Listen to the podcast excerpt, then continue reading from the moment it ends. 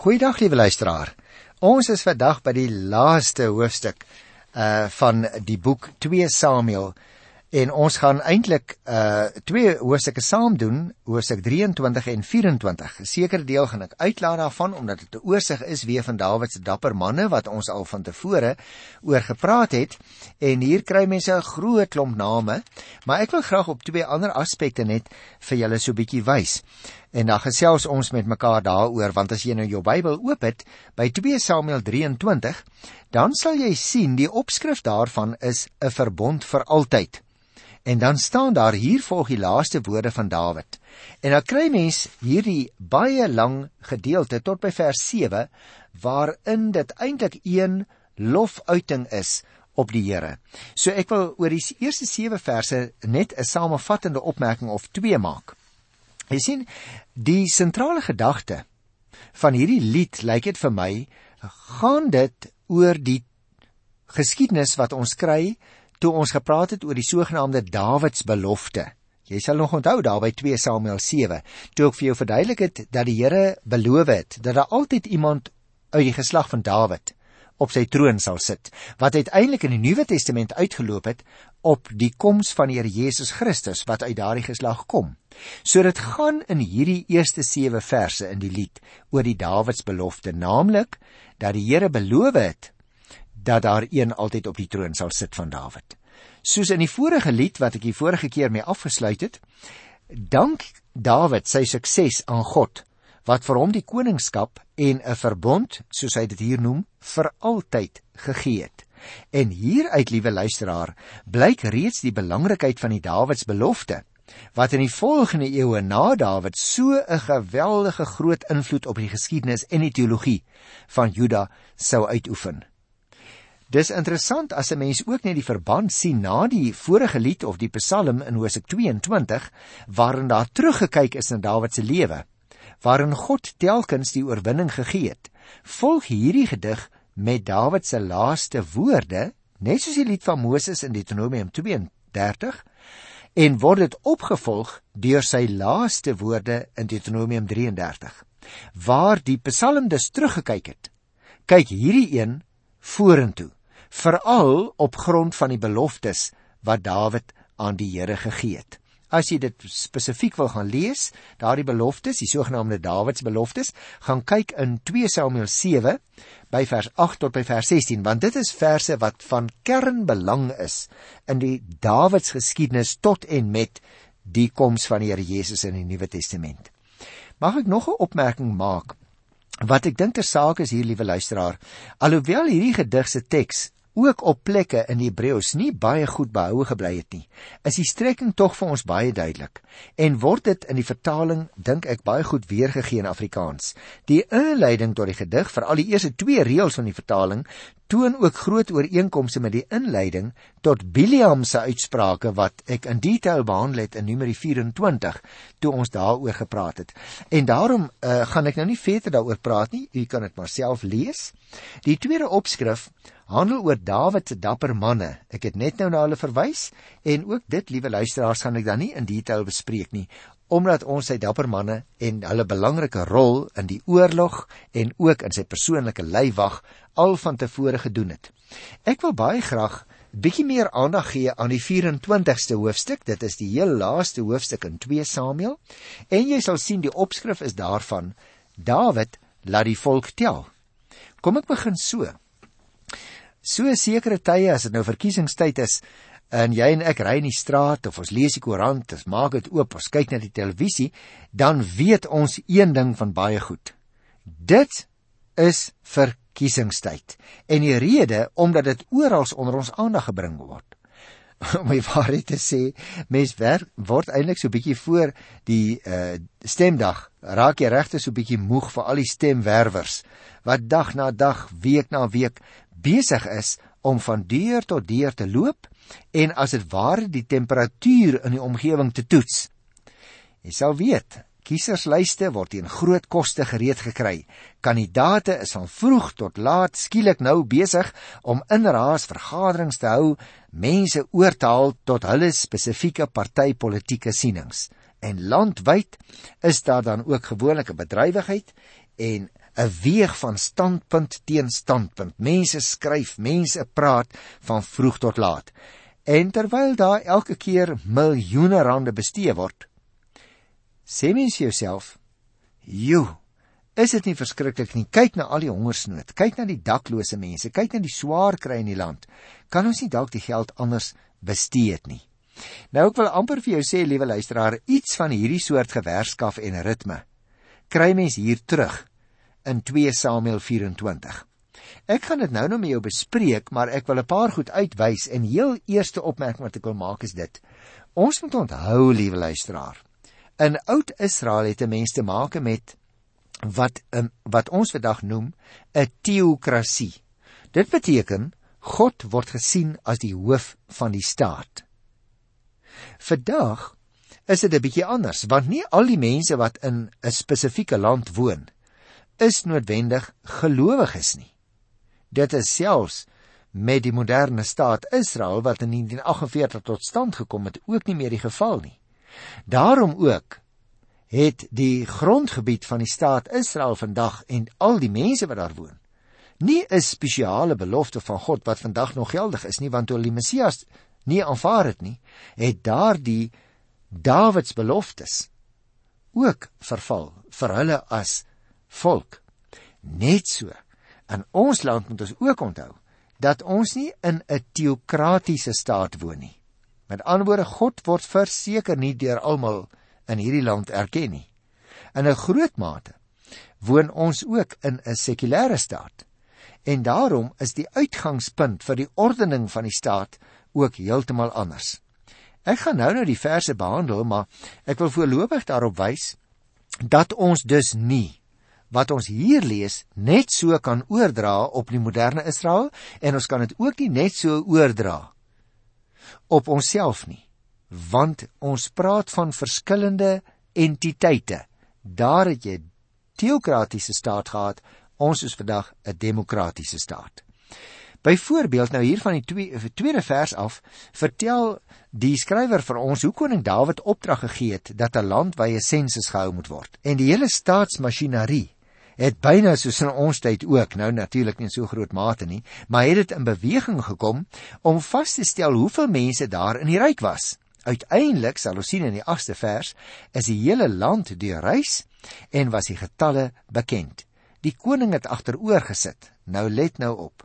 Die koning het agteroor gesit tevrede dat sy plan uitgevoer is, maar dan dan kom daar skielik 'n ander faktor op die toneel van vers 10 af. Daar lees ons byvoorbeeld dat die koning se innerlike vrede na die sensus daarmee heen was. Sy gewete het hom gekwel sal ons in moderne taal sê. En nou moet jy nie dink, liewe luisteraar, dat die opneem van sensus as sodanig verkeerd was nie. Want ons lees ook nog op ander plekke in die Bybel in uh, van sensusse, veral in die boek Numeri. Maar in hierdie geval was die sensus 'n simptoom van wat? 'n Simptoom wat agter die hoofstuk lê. Kom ek probeer so 'n bietjie met jou daaroor gesels uh, dan verstaan ons miskien net beter as ons na die hoofstuk self kyk. Onthou, vers 1 vertel dat die Here op Israel vertorend was. Hoekom weet ons nie, dit word nie gesê nie. Nou was dit juis hierdie toorn van die Here wat meegebring het dat hy die sensus in die hart van die koning laat opkom het. Iets met die koning en in die land was nie reg nie. In vers 10 praat Dawid dan ook skielik van sy sonde. Was dit die sonde om die sensus uit te roep of Was dit iets waarvan ons nie weet nie? Nou ek kan nie vir jou die antwoord daarop gee nie. Kyk na vers 17 wat later vir ons vertel dat die sonde sy oorsprong by Dawid gehad het en nie by die volk nie. Nietemin, die gevolg is dat die profeet daar in vers 11 die koning kom aanspreek. En uiteindelik kry die koning 3 keuses oor watter soort straf hy gaan kry daar in vers 13 word dit gesê. 7 jaar hongersnood of 3 maande op die vlug voor die vyand of 3 dae lank pes in die land. Dawid besluit egter om liewer in die hand van die Here te val. En vers 15 vertel dan van die pes wat daarop gevolg het. Maar wanneer dit alles klaar gebeur het, dan koop Dawid in vers 22 en verder beeste en 'n dorslee en jukke vir 'n offer. Het jy dit opgelet? En dan sê die 25ste vers Hierna het die Here weer die gebede vir die land verhoor en die plaag is uit Israel weggeneem. Nou moet jy daarop let, liewe luisteraar, die oorsaak vir ellende in die land was nie net die koning se skuld nie. Vers 10 en vers 11 praat wel van die koning se sonde, maar vers 1 vertel duidelik dat die Here op die volk vertorend was. Beide die owerheid en die onderdane het dus die vrugte gepluk van hulle wanverhouding met die Here. En dinge in die land het eers weer reggekom toe en die koning en die volk hulle in gebed tot God gewend het. En daarmee luisteraar wil ek nie 'n simplistiese oplossing probeer eh, bied vir ons eie situasie soms nie. Al wat ek wil uitwys is dat God nie onbetrokke is by dit wat ook in ons tyd in die geskiedenis en spesifiek in ons land gebeur nie. Miskien moet ons as Christus gelowiges uh ter harte neem wat is die beleid vir die party waarvoor ek gaan stem voordat ek my kruisie daar maak. Jy sien in hierdie gedeelte hier in 2 Samuel 24 toe die Here weer die eer kry wat hom toekom het hy die gebede verhoor en die plaag is uit die land weggeneem. Maar dan mag ons nie maar net met die vinger na die owerheid en na politieke leiers verwys nie. Nee, liewe luisteraar, dan moet elke Christus gelowige sy en haar lewe ook onder die vergrootglas plaas. Jy sien, as ek self onreg optree, as ek self uit en uit materialisties is, as ek self nie die liefde van die Here in my hart het nie, dan moet ek baie versigtig wees om die vinger te wys na die ander een en ek sien die balk in my eie oog nie raak nie. Ek moenie al die verantwoordelikheid altyd net wil afskuif op die owerheid as dit by die land kom of op die onderwysers en die onderwys as dit by die skool kom nie, né? Ek moet self verantwoordelikheid aanvaar om te vra hoe is my optrede as Christus gelowige mens wat die riglyne van die woord van die Here wil navolg dat ek so sal optree. Miskien het dit regtig tyd geword dat jy en ek onsself ook 'n slaggie moet begin afvra. Is die dilemmas wat ons dikwels sien, is dit nie dalk 'n bed wat ons self help opmaak het nie? En as ons dit baie keer insien en erken, dan hoef ons nie moedeloos te word nie. Dan kan ons juis moed hê. Luister, wanneer God die eer kry wat hom toekom, dan verhoor hy gebede. Dan kan die plaag selfs uit die land weggeneem word in Israel se tyd. Van Israel was dit waar. En van ons kan dit ook waar word dat ons land heeltemal 'n ander gesig gaan hê. Veiliger dalk kan wees, minder verkrachtings, minder diewery. As ons ook ons getuienis van wie die Here Jesus is glashelder en duidelik laat klink, dan is daar dalk meer mense wat tot oorgawe voor die Here kom en sal mense nie sulke dade doen nie. Daarom oorweeg elke keer wanneer u na die stembus opgeroep word, oorweeg u kruisie goed.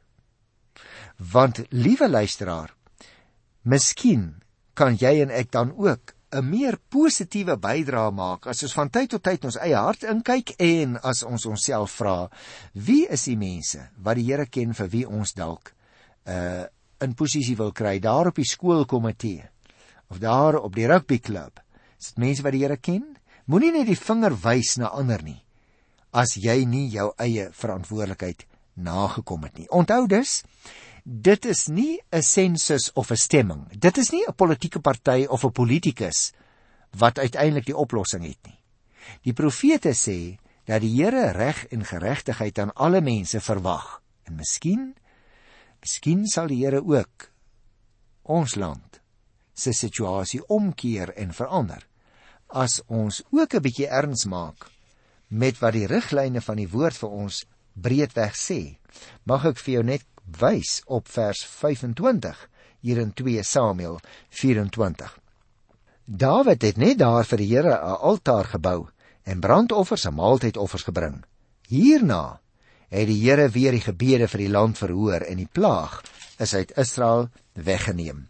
Nou liewe luisteraar, ek het nou na die breë trek in die hoofstuk verwys en daarom wil ek net enkele aspekte uitlig. En dit so bietjie op 'n ander manier uh in omgekeerde orde sê van waaroor dit in die hoofstuk gaan. Dawid laat die volk tel. Dit is die opskrif. Nou hierdie gebeure word nie presies gedateer nie maar waarskynlik eers laat in Dawid se lewe plaasgevind, na Absalom se opstand in elk geval. Dit blyk vir ons uit 1 Kronieke 21 en 22 wat ons nog moet behandel, waar hierdie geskiedenis opgevolg word deur Dawid se voorbereidings vir die bou van die tempel op die plek waar Dawid vir die Here geoffer het. Die telling was, so lees ons, om die aantal weerbare manne te bepaal. En die rede hiervoor luisteraar was dus militêr van aard. Maar natuurlik kon Dawid dit ook gebruik het vir belastingdoeleindes of dwangarbeid. En ons moet onthou dat die Here vir hom gesê het in die teokratiese staat van Israel mag dan nie dwangarbeid wees nie. Hy mag ook niemand van sy volksgenote in so 'n situasie laat beland nie. Die stelling dat die Here Dawid aangehits het om die volk te tel, soos wat mense dit amper hier lees aan die begin van die gedeelte, word in 1 Kronieke 21 vers 10 verander na Satan wat dit gedoen het. Ek lees die versie. Op 'n keer was die Here vertorend op Israel. Hy Dawid teen hulle aangehits en gesê: "Gaan tel die Israeliete en die Judeërs. Jy sien, die Here is die God en daar is niemand naas hom nie. Ons het dit ook gelees in Hosea 22 vers 32. En dit is die oorheersende boodskap wat Israel in die tyd van die totstandkoming van 2 Samuel in 'n wêreld vol allerlei gode moes verkondig. Selfs die kwaad, liewe luisteraar, is nie buite die beheer van die Here asof daar 'n bose mag is wat teenoor die Here staan nie. Ons moet dit altyd onthou. Dis eers later, teen die tyd van kronieke na die ballingskap, dat Israel begin besef het dat die kwaad nie direk aan die Here toe te skryf is nie. Joab is huiwerig byvoorbeeld om die telling te onderneem, want in terme van Eksodus 30 vers 12 tot 16 was so iets verkeerd vir oud Israel. Dit geld soveel te meer indien dit as voorspel tot oorlog gedoen word. Omdat dit dan in stryd is met wat destyds bekend was as die heilige oorlog. Met ander woorde, liewe luisteraar, dit is baie duidelik dat koning Dawid die mense wou laat tel om vas te stel hoeveel weerbare mense hy het. En die Here hits hom in 'n sekere sin daarin aan, want hy is op hierdie stadium van sy lewe skynbaar teen 'n glybaan, maar die Here sê vir hom, "Nou mag gaan nou nog verder. As jy nie op my vertrou nie, laat jy al jou manne, dan kyk jy 'n bietjie wat gebeur." Met ander woorde, hierdie man se fokus is besig om weg te skuif van die Here af. En dit is die punt wat ons moet raak sien as ons 2 Samuel 24 lees. Die Here gaan straf oor hulle bring want hulle doen nie en hulle luister nie wat die Here van hulle verwag nie. Weereens, dit was 'n teokratiese staatsopset en daarom kan ons dit nie so direk op ons situasie toepas nie. Maar nietemin het ons verantwoordelikheid as Christusgelowiges om te sorg dat sover dit moontlik is, ook mense wat die Here Jesus Christus ken, wat lewe volgens die woord van die Here deur ons ondersteun word. Nou goed, kom ek lees die verhaal verder want ek het nou uit verskillende gesigshoeke daarna gekyk. So kom ons lees dit en dan vra jy vir jouself af wat leer ek persoonlik? Uh wat by Johan ook nou nog, daar's baie dinge wat ek nie uitgelig het vir u nie. Op 'n keer was die Here vertorend op Israel. Hy Dawid teen hulle aangehits en gesê: "Gaan tel die Israeliete en die Judeërs." Die koning het vir Joab, die hoof van die leer wat by hom was gesê: "Trek rond deur al die Israelitiese stamme van die noorde af tot die suide en tel die volk. Ek wil weet hoeveel hulle is." Joab het die koning geantwoord: "Selfs al sou die Here u God die volk 100 maal laat vermeerder, die koning sien dit self. Watter genot sou dit u verskaf? Jy sien ons kry die indruk Joab keer so bietjie. Hy sien maar die koning uh maak al meer staat op sy eie krag. Hy dink nie meer aan die Here nie. Maar dan word dit gedoen En dan staan daar by vers 10: Nadat hy die volk laat tel het, het Dawid se gewete hom gekwel. Hy het teenoor die Here bely: Ek het swaar gesondig met wat ek gedoen het. Vergewe tog nou my oortreding, Here. Waarlik, ek het iets dwaas gedoen. Dan sê die 11de vers nadat Dawid die oggend opgestaan het, het die profeet Gad, die siener van Dawid, na hom toe gekom. Met ander woorde, die siener kom praat nou met hom, uh en hy sê vir hom as mondstuk van die Here, so sê die Here, ek lê 3 dinge aan jou voor. Kies vir jou een daarvan. En dan sal jy onthou hoe dat ek vir jou uitgewys het, hy kies daar in vers 13 7 jaar hongersnood in die land of 3 maande waarin jy voor die aangesig ek herhaal of 3 maande waar jy voor jou teestanders vlug en hulle jou agtervolg of die derde moontlikheid is 3 dae lank pes in jou land. En toe Dawid besef, maar dit is tog uiteindelik die Here wat ook sy hand oor hierdie land hou. En daarom het hy gesê, dit is my beter om maar liewer in die hand van die Here te val as in hande van mense. Nou liewe luisteraar, jy kan gerus self so bietjie hierdie hoofstuk deurgaan. En dan kan jy en ek ons voor die Here verootmoedig in die lig van vers 25. Dawid het net daar 'n altaar vir die Here gebou en brandoffers en maal, maaltydoffers gebring. Hierna het die Here weer die gebede vir die land verhoor en die plaag is uit Israel weggeneem. Wat wil die Bybelskrywer vir ons sê? Die Bybelskrywer wil vir ons leer en vir ons laat verstaan die Here regeer ook in die land. Die Here regeer ook oor die natuur. Die Here regeer ook oor politieke gebeurtenisse. En dit dink ek behoort vir jou en vir my te noop om te sê kom ons verootmoedig ons voor die Here. Kom ons doen van ons kant alles wat ons kan om die koninkryk van die Here te laat kom. En daarom wil ek vandag weer 'n keertjie 'n slag vir jou vra, liewe luisteraar.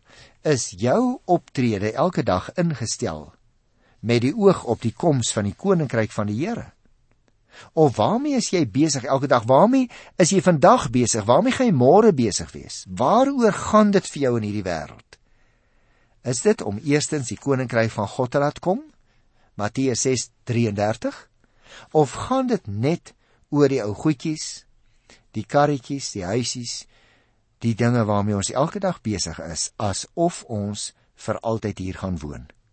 Voordat ek dus vandag klaar maak met 2 Samuel, die hele boek, waaroor ons dan 15 verskillende programme gemaak het, wil ek ten slotte vir jou 'n oorsig gee. Ons het die boek ingedeel in 4 gedeeltes. Eers het dit gehandel oor Dawid, die koning van Juda.